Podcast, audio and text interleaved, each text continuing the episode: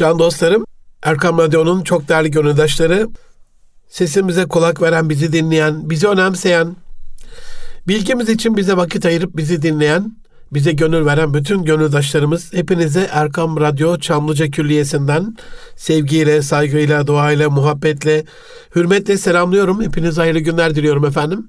Erkam Radyo'dasınız. Münir Arıkan'la Nitelikli İnsan programındasınız. 2021'in 36. programında inşallah bu hafta Rabbim lütfederse sizlere dünya sorunlarına insanca, İslamca, Müslümanca bakışı anlatmaya çalışacağım. Birkaç hafta süren bir program olabilir. Ee, şimdilik e, dünyayı dumura uğratan 55 ana problem, ana sorun e, üzerinde durmak istiyorum ama bu e, haftalar geçtikçe ilerleyebilir ama birkaç hafta sürecek olan yolculuğumuza hoş geldiniz, sefalar getirdiniz.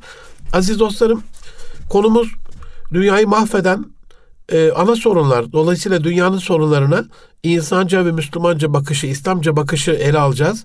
Bu konuda siz de hocam şöyle bir sorunumuz var. Bu konuya da değinir misiniz diye lütfederseniz e, nitelikli insan et erkamradyo.com e-mail adresinden ya da et ve et erkamradyo tweet adreslerinden bize her zaman ulaşabilir. Önerilerinizi, isteklerinizi, arzularınızı, eleştirilerinizi, beğenilerinizi, dualarınızı, teveccühlerinizi bize her zaman iletebilirsiniz. Sesinizi, sözünüzü, bilginizi, bize olan e, desteğinizi e, önemsiyoruz. Uyarılarınızı kulak arkası yapmıyor, kulak küpesi yapıyoruz, önemsiyoruz aziz dostlarım. Can dostlarım, Hz. Adem Aleyhisselam'ın cennetten kovuluşu sonrasında başlayan dünya imtihanımız elbette ki dünyayı fesada vermek için değil. Çünkü dünya her ne kadar içinde e, dani, adi, değersiz, kıymetsizlik barındırsa da Allah için çok kıymetli bir yer. Neden?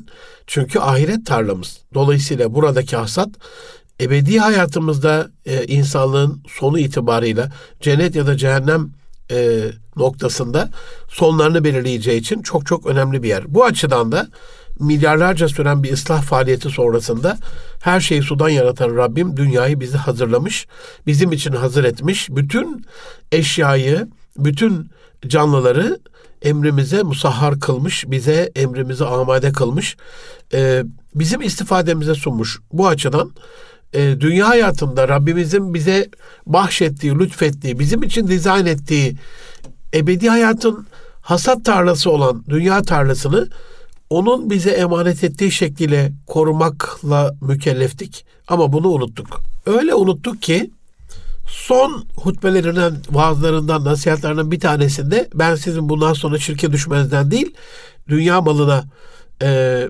düşmenizden, dünya malını önemsemenizden, dünya malı için hırslanmanızdan, çekişmenizden, kavga etmenizden e, endişe ederim buyuran Resulullah Efendimiz sallallahu aleyhi ve sellem haklı çıkarıcısına bir e, dünya e, malı hırsı gözümüzü bürüdü.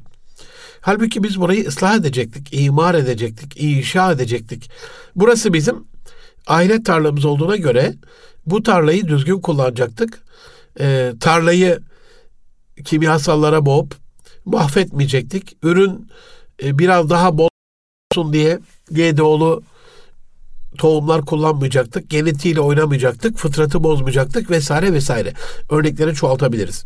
Bu anlamda bize Rabbimiz tarafından teslim edilen, onun yarattığı bu çok muazzez, mübarek emaneti, dünya emanetini biraz hor vakir kullanmanın sonuçlarını hep beraber yaşıyoruz.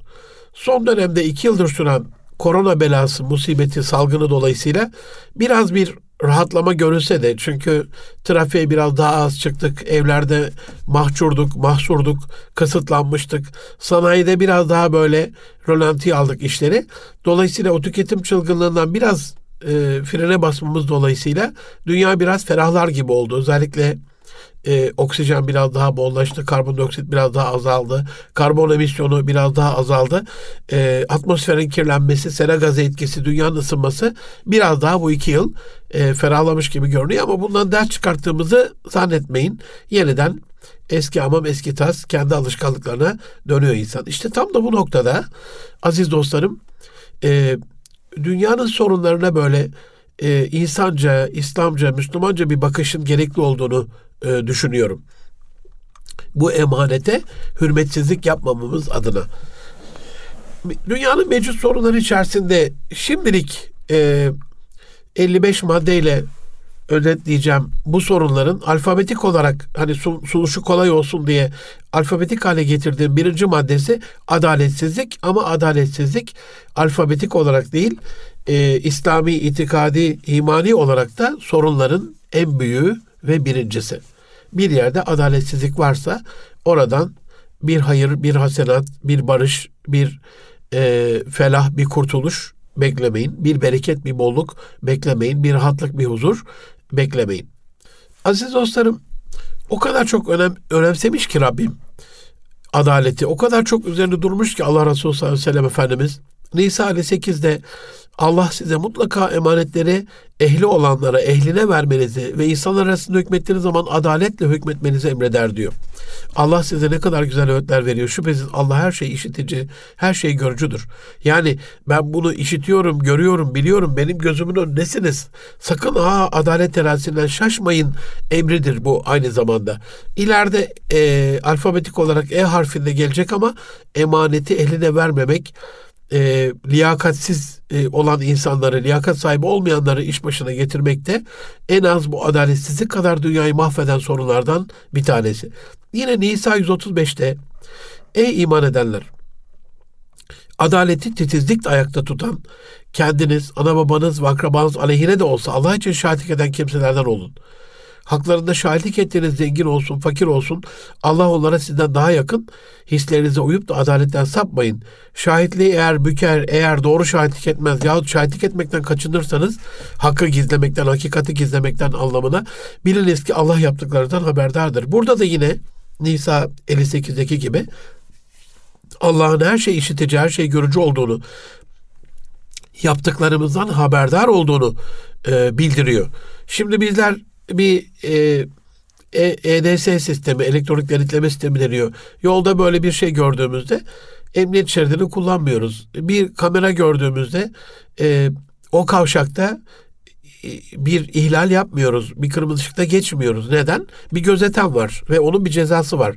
Peki Allah'ın gözetlemesi bizim bu elektronik denetleme sisteminden çok mu e, önemsiz, çok daha mı etkisiz haşa ki onun her şeyi işitici, her şeyi görücü, e, yaptıklarımızdan haberdar olmasına rağmen biz adalet terazisinden sapabiliyoruz.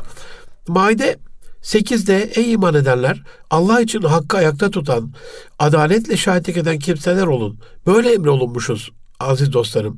Bir topluluğa duyduğunuz kin diyor sizi adil davranmamaya itmesin. Adaletli olun. Bu Allah korkusuna daha çok yakışan bir davranıştır. Allah'a isyandan sakının. Allah yaptıklarınız, Allah yaptıklarınız hakkıyla bilendir.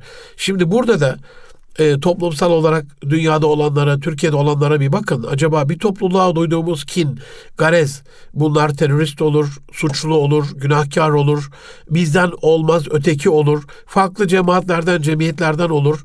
E, farklı mezheplerden, itikatlardan, inanışlardan olur. Ee, ya da hiç inanmayan birisi olur ama bir topluğa duyduğumuz kin bizi adil davranmamaya itmemesi gerekiyor. Ee, onlar için de adil davranmamız gerekiyor. Ben Türkiye ile alakalı en büyük sıkıntılardan bir tanesinin düşmanımızın bizden öğrenememesi olduğunu düşünüyorum. Şimdi elhamdülillah Selçuk Bayraktar kardeşimiz e, SİHA'larla, TİHA'larla ilgili, İHA'larla ilgili dünya çapında büyük bir başarı elde etti gururumuz oldu, medar iftarımız oldu. Düşman şimdi ondan öğreniyor. Rakipleri de öğreniyor. İşte Amerikan predatorları, İsrail heronları e, ve onun gibi olmak isteyen diğer ülkeler de işte Teknofest ile alakalı dün okudum. E, pazartesi salı itibarıyla e, 7 tane ülke bizden Teknofest benzeri festival düzenlememizi, teknoloji festival düzenlememizi, düzenlememizi istiyor. Neden? Çünkü e, biz o, onların dininden, onların ırkından olmasak bile, onlardan olmasak bile bir şey iyi yaptığımızda e, bizden bir şey öğreniyorlar. Onlara bir şey öğretebiliyoruz. Aradaki bütün o e, düşmanlık ortadan kalkıyor. Ama düşmanlarımız bizden şu anda aslında Osmanlı döneminde, Selçuk döneminde Müslümanların adaletini örnek alıp adaletten dolayı İslam'a girmişlerdi. En büyük düsturları buydu.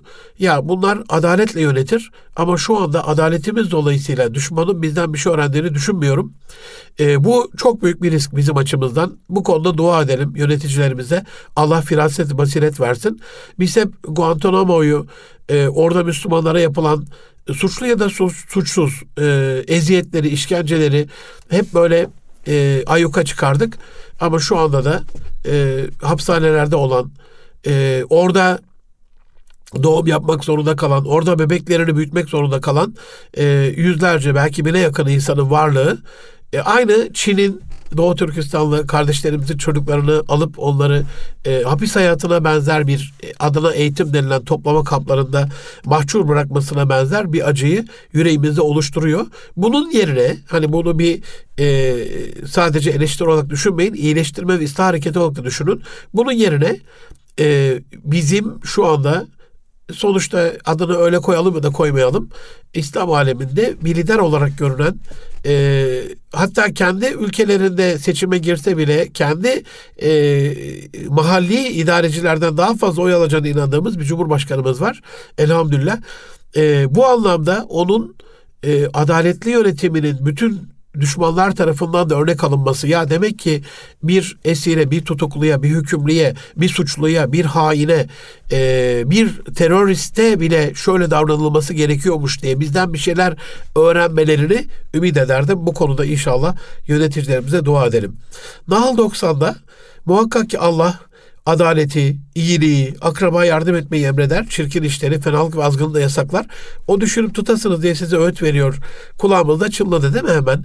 her cuma e, hutbenin en sonunda İmam Efendi'nin bizlere e, öğüt verdiği bir ayet-i kerimedir. Dolayısıyla ilk olarak Allah bizden adaleti, adil insanların iyilik yapmasını, iyilerin akraba yardım etmesini, e, akraba yardım edip iyilik yapan adil olan insanların da çirkin işleri, fenalık ve azgınlığı da bırakmasını düşünüp tutasınız diye de öğüdü baş tacı yapmamızı bu ayetten anladığım o emrediyor Rabbimiz bize. Yine Şura 15'te onun için sen tevhide davet et, İslam'a davet et ve emrolduğu gibi dost doğru ol.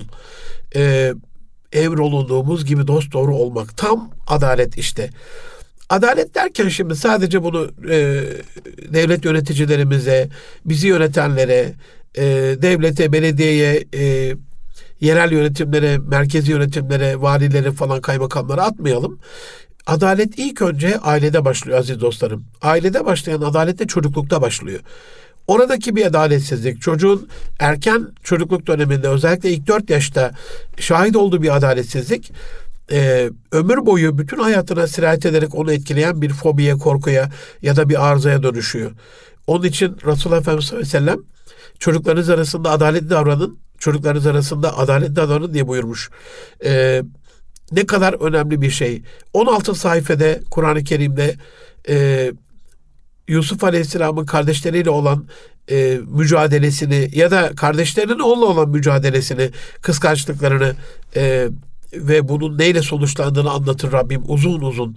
Dolayısıyla Allah muhafaza e, kardeşler arasında da anne babanın çocuklarıyla olan muamelatında da e, çocukların kendi arasındaki o muamelatta da adaletsizlik varsa mermere kazınmış, e, taşa kazınmış, taşa yazılmış bir şey gibi erken çocukluk döneminde karakterin %75'i ilk 4 yaşta şekillendiğine göre bir daha asla unutulmuyor ve o çocuğun ileriki hayatında kendisi için önemli bir unsur oluyor, önemli bir referans oluyor bu adaletsizlik ya da adalet.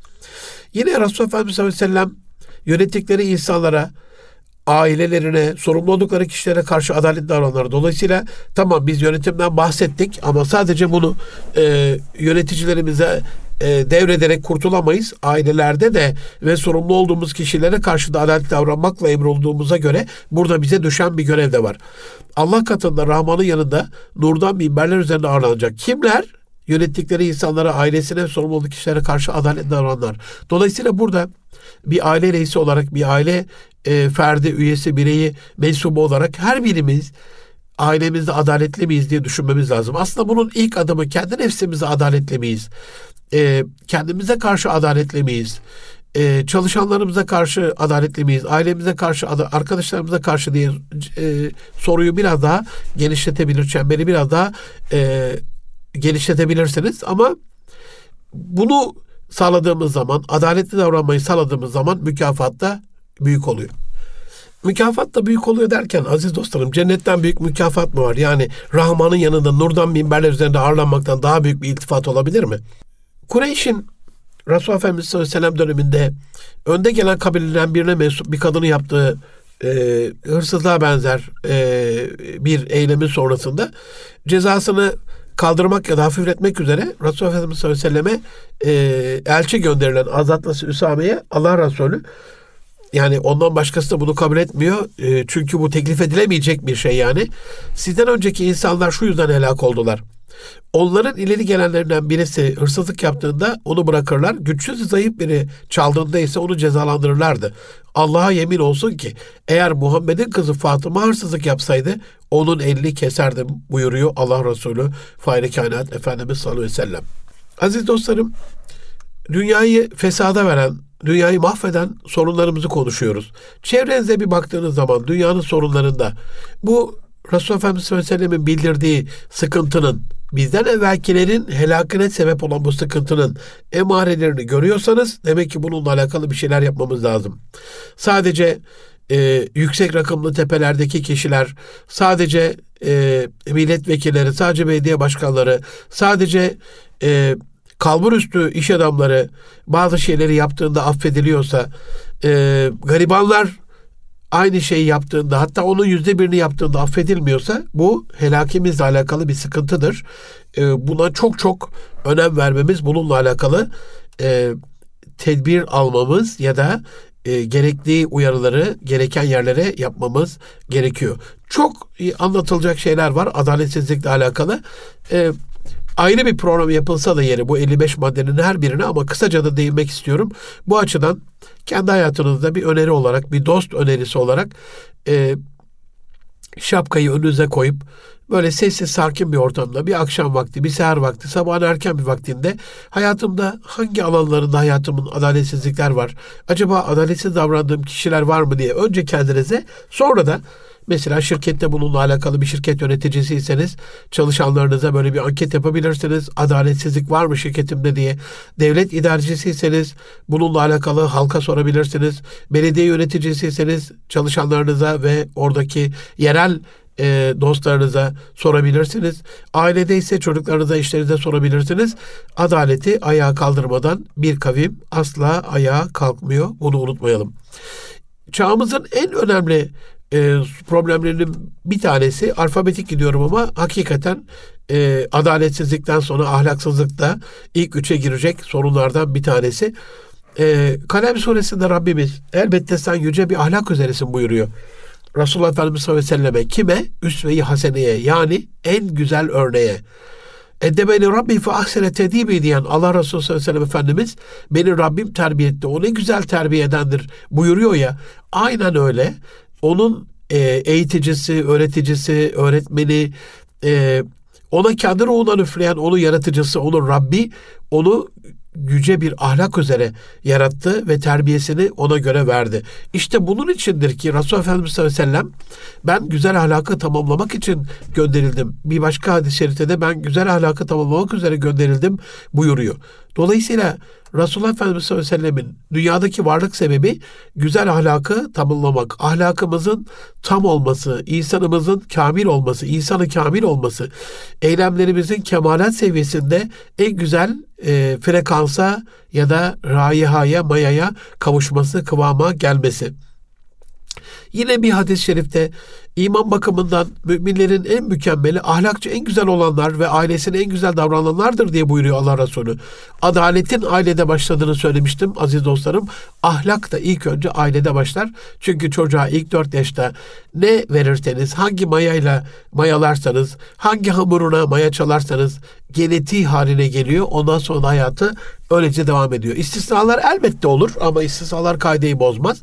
Buna genellikle dünya üzerinde din olarak bakabilirsiniz. Hani Resulullah Efendimiz sallallahu aleyhi ve sellem diyor ya çocuk İslam fıtratı üzerine doğar. Sonra onu annesi, babası, çevresi, arkadaşları işte Hristiyan, Yahudi, e, Mecusi ya da e, müşrik yapar, ateşperest yapar. Aynen öyle.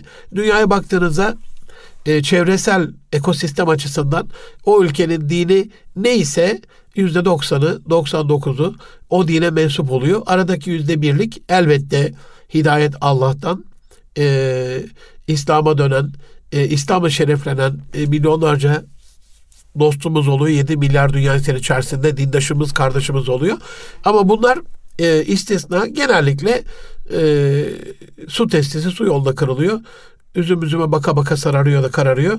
O açıdan e, ailede ilk önce anne babanın verdiği eğitim, terbiye, onlara yaptığı mürebbiyelik, kılavuzluk çocuğun ondan sonraki hayatında da önemli bir dönüm noktası oluyor. Yine Farikanet Efendimiz sallallahu aleyhi ve sellem e, kıyamet günü müminin terazisinde güzel ahlaktan daha ağır bir şey yoktur. Allah Teala çirkin konuşan ve ne konuştuğunu bilmeyenlerden nefret eder buyuruyor. Aziz dostlarım, e, yollarda duyduğunuz mini minnacık çocuklarımızın, gençlerimizin yanlarından eşlerimizle, kızlarımızla geçerken konuştuğu kelimelerden, sarf ettiği cümlelerden razıysanız bir sözüm yok. Demek ki çok ahlaklı bir durumdayız alemi İslam olarak. Ama e, yollarda duyduğumuz, e, çocukların bir de okul dönemi başladı. Şu anda daha fazla yavrularımız yollarda. Onların servis araçlarında, kendi arasında konuştuklarından, okul bahçelerinde konuştuklarından razıysanız, okul koridorlarında, okul sınıflarında konuştuklarından razı, razıysanız hiçbir sözüm yok. Ama bunu en iyi eğitimciler, eğitimci dostlarım anlayacaktır. Çocuklarımızın dilinden, e, kelimelerinden, tarzlarından razı değiliz, hoşnut değiliz. E, işte bu anlamda e, biz bilmek isteriz. Hani bir sınava giriyorsak katsayısı en yüksek olan konudan başlamak isteriz. Matematiğin katsayısı 4 ile çarpanı 4 ise 10 tane cevaplıyorsak 40 e, puan yapıyorsa Türkçeninki 1 ise 40 tane yaptığımızda ancak 40 puan alacağız. Dolayısıyla 10 tane yapıp 4 ile çarpıp 40 almak 40 e, tane yapıp 1 ile çarparak 40 almaktan çok daha iyi. Aynen böyle katsayısı yüksek amellerden bir tanesini böylelikle bildiriyor Allah Resulü e, sallallahu aleyhi ve sellem Efendimiz. Demek ki kıyamet gününde o en küçük bir sevaba bile ihtiyacımız olduğu, e, en küçük bir alacağımızın bile peşinde olacağımız o adalet terazisinin zirvede olduğu günde müminin terazisinde güzel ahlaktan daha ağır bir şey olmayacak. Ee, onun için el haya vel iman buyurulmuş. Haya imandandır. El haya minel iman ya da haya imandandır ya da i, i, haya imandır ya da iman hayadır. Utanmazsan istediğini yap diye bizden evvelki e, Resulullah Efendimiz sallallahu önceki bütün peygamberlerinde söylediği bir cümle olarak onun dilinden söylenir bu. Dolayısıyla utanmak, utanma, haya, e, ar damarı çatlamış derler ya. Biraz e, bu damarımız çatlamış gibi görünüyor. E, biz şu andaki ahlaki seviyemizden e, razı değiliz, hoşnut değiliz. Bununla alakalı sadece devlete, hükümete, cumhurbaşkanımıza e, suç atarak ya 22 yıllık İslami iktidarın sonucunda falan filan gibi laflara hiç girmeyeceğim ben.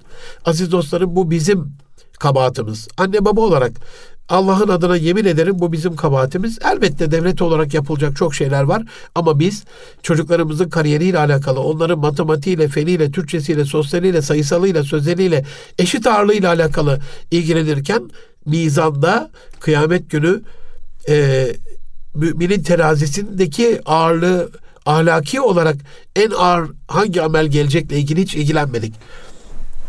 Kaç neti olduğuyla alakalı ilgilendik ama ahlaki olarak ne, ne sevdi olduğuyla ilgilenmedik.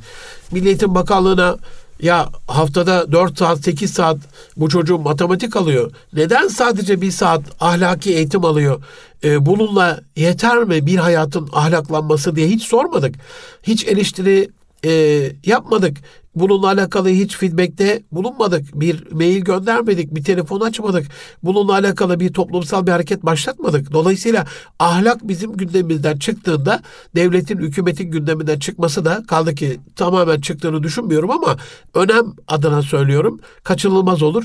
Dolayısıyla ilk önce aileler, anne babalar ahlakı hayatlarının merkezine, omurgasına, direngi noktasına, odak noktasına koymak zorunda.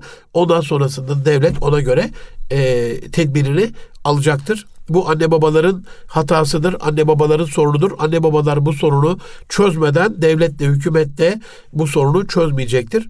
Onun için e, çocuğumuzun nereden mezun olduğu, kaç puan aldığı, nereyi kazandığı, nereye gidiyor, nereyi bitiriyor olduğundan ziyade e, çocuğumuzun nasıl bir ahlaki seviyede olduğunun ailede reyting yaptığı, ailede önemli hale geldiği, e, çocuğun bu anlamda e, ödüllendirildiği, sevildiği, değerlendirildiği bir kıstas sadece puana göre yapılan kıstastan çok çok daha önemli olacaktır.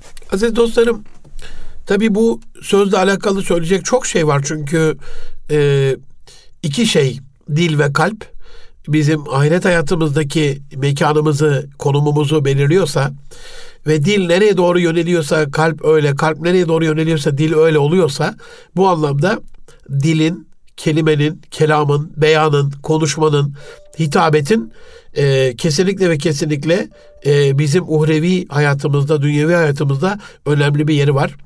E, kim yine e, Kur'an-ı Kerim'de öyle buyuruyor. E, kim izzet, e, şan ve şeref istiyorsa o halde bilsin ki izzet tamamıyla e, Allah'a Allah'ındır. Allah'a aittir. Güzel söz ona yükselir. Kelime-tü tayyip diye geçiyor orada. Ee, ve ameli salih de onu o güzel sözü yükseltir. Dolayısıyla izzetimiz, şanımız, şerefimiz, haysiyetimiz, ahlakımız, erdemimiz, kemalatımız e, konuşmamıza bağlı. Çünkü Allah'a sadece o güzel sözler yükseliyor. Peki güzel sözlerin yakıtı ne? E, ameli salih. Dolayısıyla ahlaksızlığın e, ameli salih eksikliğiyle de bir e, bağlantısı var. Demek ki iyi ameller, salih ameller, Allah'a görüyorcasına riyadan, hasetten, kinden, nefretten, e, gösterişten uzak e, ameller azaldı ki ahlaksızlık da her tarafı taladı. İçinizden Resulullah Efendimiz sallallahu aleyhi ve sellem yine öyle buyuruyor. İçinizden en çok sevdiklerim ve kıyamet gününde mevki bakımına bana en yakın olanlarınız, ahlakçı en güzel olanlarınızdır. Aziz dostlarım o kadar çok şey gelir ki böyle bol keseden atıp tutmak. Hani sorsak herkes e, hangi dönemde yaşamak istersin diye sorulsa Allah Resulü'nün yaşadığı dönemde yaşamak. Ama o dönemde yaşamış olsak bile işte 63 yıllık bir dünya hayatı bitecek.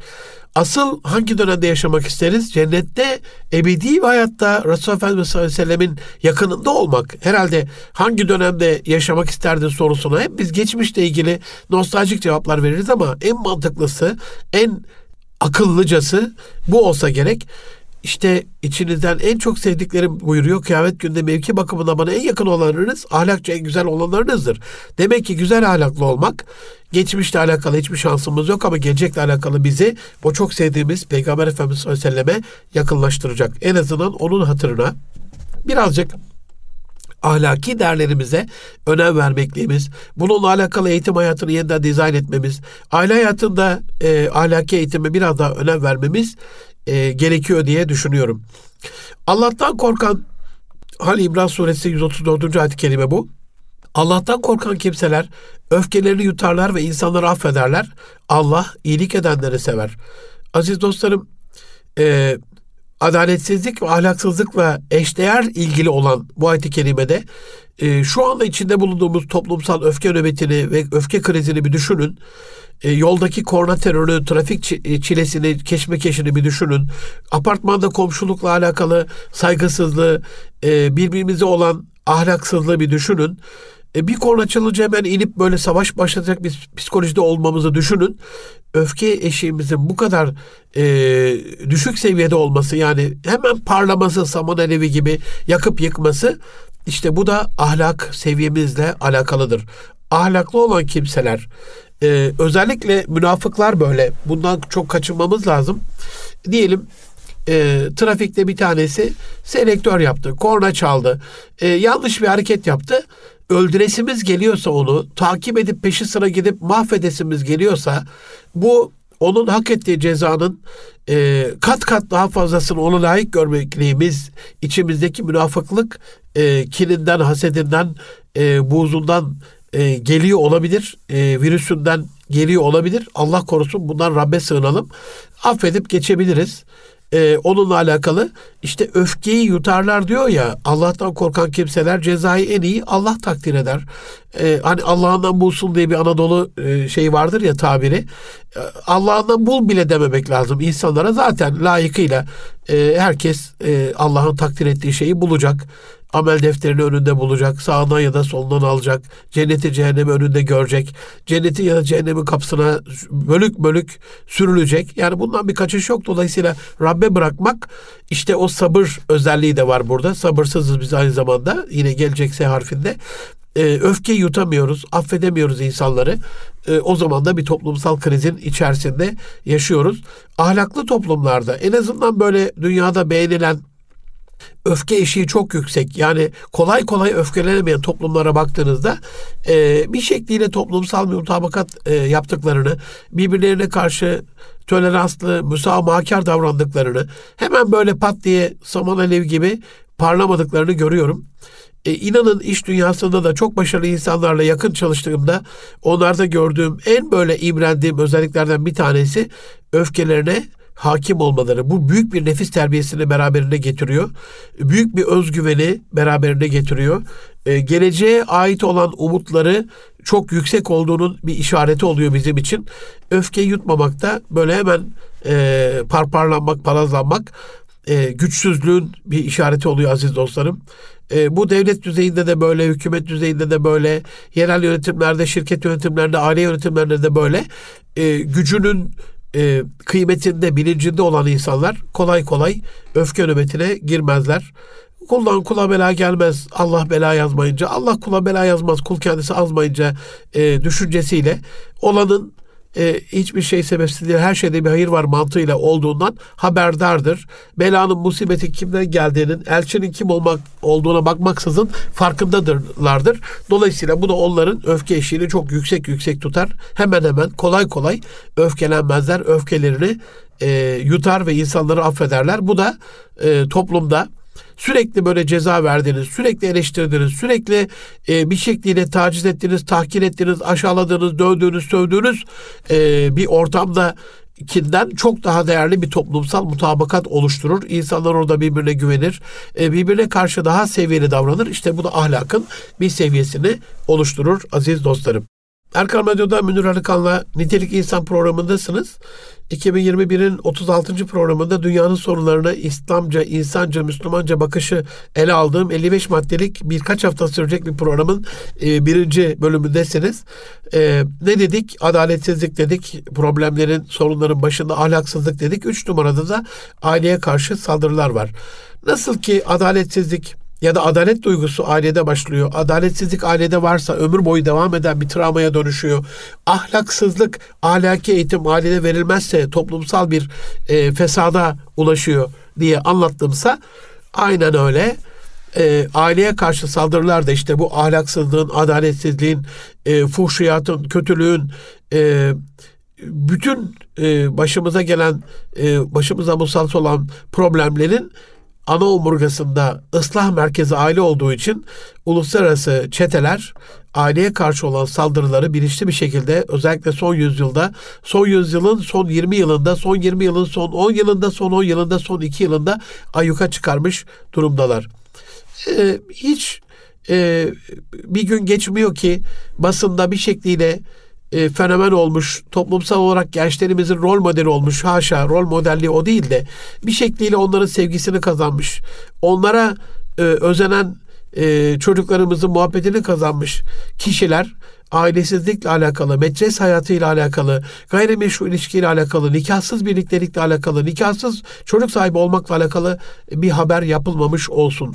Gün geçmese ki bununla alakalı bir haber e, bizi fesada vermesin, bilinçaltımıza girmesin ailesizliğin özendirilmesi işte bu şekliyle yavaş yavaş yavaş bizi alıştırıyorlar.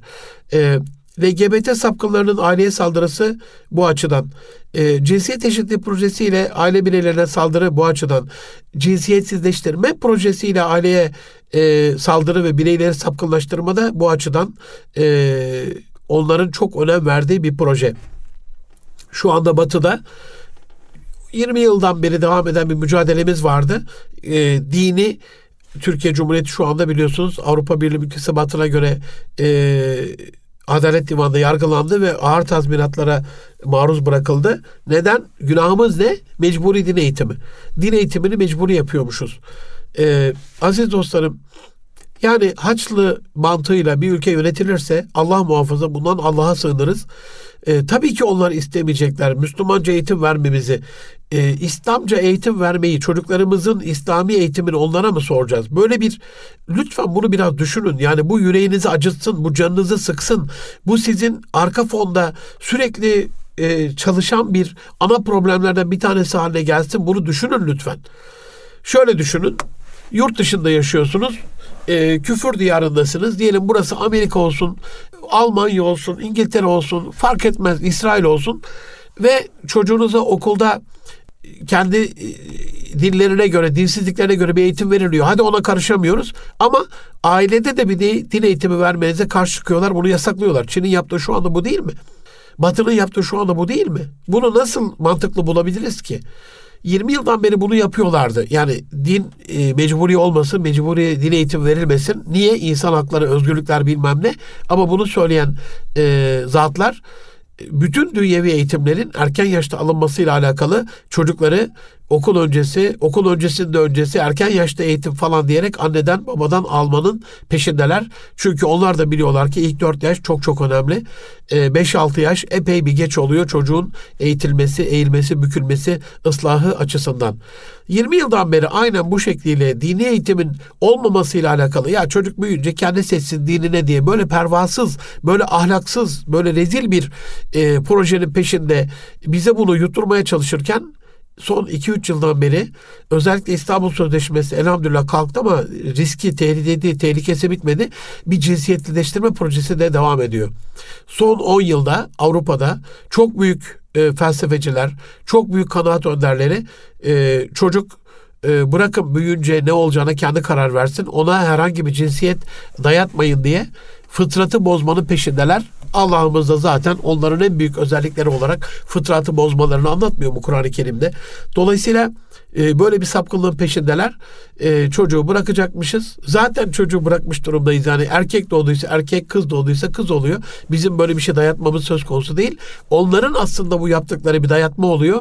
Fıtratı bozma adına e, ama Allah Resulü de erkeklerden kadınlara benzeyenlere, kadınlardan erkekten erkeklere benzeyenlere lanet etmiş. O merhamet ve rahmet peygamberi bunu da aklımızdan çıkartmayalım. Tabii bu e, aileye karşı saldırılar dedik ya günümüzün en büyük problemlerinden, dünyevi problemlerinden, uhrevi problemlerinden bir tanesi diye. E, bu ailesizliğin özendirilmesi, LGBT sapkınlarının bu kadar pervasızca aileye saldırısı, cinsiyet eşitliği maskesi altında aile bireylerine saldırı, cinsiyetsizleştirme polisi gibi aile bireylerine olan e, saldırılar, e, sapkınlıklar e, bir şey için yapılıyor. E, ya da odak noktasında bir şey var, o da anne eğer anne güçlüyse, anne güçlü bir rol modeli ise, eğitimi anne veriyorsa, çocuk annenin kucağındaysa bu emellerine ulaşamayacaklarını biliyorlar. Çocuğunu anne yetiştiriyorsa onun da yavrularını anne ve baba adayı olarak yetiştireceğini, onları vakti geldiğinde en güzel şekilde evlendireceğini, mürüvvetlerinin e, görüleceğini biliyorlar. Bunun için aileyi sahipsiz bırakmanın peşindeler. Bu son 30 yılın en büyük projesidir. Annenin değersizleştirilmesi. Bunu nasıl yapıyorlar? Anne değersiz demiyorlar. O anne çok değerli. Anneler günü kutlarken e, özellikle bir bakın anne çok kıymetli ama bir günlük. Anneyi oraya hapsediyorlar. Anneler gününde anneyi kutla. Onun dışında ne? Kadın iş gücünün teşviki maskesi altında, feminizm maskesi altında e, hocam feminizme niye laf atıyorsunuz falan diye sakın düşünmeyin. Geçen hafta CIA'nin Afganistan raporu basına sızdı. Müslümanlarla mücadelede başarısız olduğunuzda feminizmi kullanın diye rapor basına sızdı. Yani e, böyle basit böyle masum haşa bizim için masum olamaz da ne demek feminizm yani? Masum gibi görünen bütün izimleri de kullanarak aslında tek gayeleri Müslümanların tahakküm altına alınması, baskı altına alınması, mahvedilmesi, perişan edilmesi. Bu anlamda e, çalışan kadınlarla alakalı bir alıp veremediğimiz yok. E, anneliğin yerine bir çalışmayı e, uygun görmüyorum.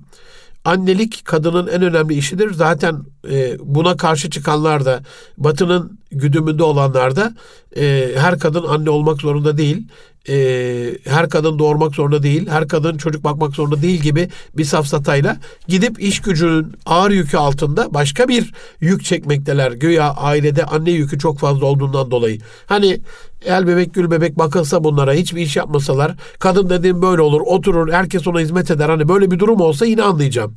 Ama öyle de değil. Aileden çaldıkları kadını dış dış dünyada, iş dünyasında o kadar ağır işlerde, o kadar ağır şartlarla çalıştırıyorlar ki evde erkeğin sözü geçmemeliymiş, evde erkek hakim olmamalıymış, evde ailenin reisi erkek değilmiş. Bununla ilgili savaş açanlar gittikleri şirketlerde bir tane yönetim kurulu başkanının, CEO'nun, genel müdürün, e, başkanın emri altında onun her dediğini riayet e, ederek, her dediğini riayet ederek koşulsuz itaati e, bir aidiyet sayarak, bir başarı sayarak e, kadın e, emeğinin sömürülmesi, kadın değerinin sömürülmesi peşindeler. Reklamlarda kullanılan o fuhşiyata varan e, kadın bedeninin e, kullanımını, afişe edilmesini, e, manipüle edilmesini saymıyorum. Ondan bahsetmiyorum bile. Sadece anneliğin değersizleştirilmesi adına e, ya öyle bir sapkın hale geldi ki aziz dostlarım. En sonunda şunu diyecek kadar alçaklaştılar. Ya evlenmeyin, evleniyorsanız çocuk sahibi olmayın. Biz size 20 bin dolar yumurtalarınızı dondurma parası verelim. Kadın çalışanlara söylüyorlar bunu. Siz anne olmayın, çocuk sahibi olmayın. Bizim için çalışın. Emekli olduğunuzda daha sonra bu dondurduğunuz şeylerle tüp bebekle çocuk sahibi olursunuz. Yani bu dedikleri şey 55-60 yaşında çocuk sahibi olmak. Zaten hastanede geçecek tansiyonum, kalbim, şekerim bilmem ne hayatı anlamadan çocuğa o düzeyde e, 60 yaşla 0 yaş arasında düşünün pedagojik olarak. Yani asla bilimsel değil, asla insani değil, asla vicdani değil ama bunu bilim diye bize yutturmanın e, peşindeler. Biz de bunu çok güzel yutuyoruz. E, Batı bizi işgal ettiğinde buradan giderken iki tane virüs bıraktı bize. Bir tanesi ne mezunusun sen ne mezunusun sen diye melettiler bizi böyle. Bir okuldan mezun olmayı itibar ve kariyer saydık. Bir kariyer sahibi olmayı dünyanın kurtuluşu saydık ve mahvoluşumuzun mahvoluşumuzun ilk adımıydı. Bunu bilimsel olarak söylüyorum. Herkes üniversite okumak zorunda değil. Herkes e, okulda okumak zorunda da değil. Yani Anadolu'nun gönül erenleri, gönül evliyaları, e, Osmanlı uygarlığını, imparatorluğunu düşünün. Belki yüzde sekseni doksanı okur yazar bile değildi. Kur'an-ı Kerim okuyabiliyorlardı, dinlerini biliyorlardı. E, kendi işlerini yapıyorlardı ama kendi işlerinde de zirveye çıkmış e, hattatlar, e, sedefkar ustaları, kündekari ustaları, telkari ustaları, e, altın, gümüş, pırlanta uzmanları, e, mimarlar, mühendisler, e, günümüz dünyasındaki mimari teknolojiyle yapılmayacak 863 eserin mimarı Mimar Sinan'ın o sanatta ulaştığı zirveye de şimdikiler bu kadar modern e, teçhizatla bile yanına bile yaklaşamayacak durumdalar. Buna rağmen e, geçmişi tukaka yaparak e, konuşuyorlar. Dolayısıyla Batı ayrılırken dedi ki ne mezunusun sen? Bu öyle içimizde bir ara oldu ki kadınlarımız, eşlerimiz, kızlarımız, annelerimiz bir yerden mezun olmamayı hayatsızlık düzeyinde bir problem saymaya başladılar. Hayat okulundan mezunum ben anneyim ben, çocuklarımın annesiyim ben diye söylemeyi, evimin kadınıyım, evimin e, direğim demeyi kendilerine bir zuhur saydılar. Dolayısıyla böyle böyle kadınlar illa okumak zorunda. Kadın erkek hiç fark etmez. İddia ediyorum bilimsel olarak her ortamda tartışmaya hazırım. Et Münir Erkan Twitter adresim eleştirilerinizi oradan yazabilirsiniz.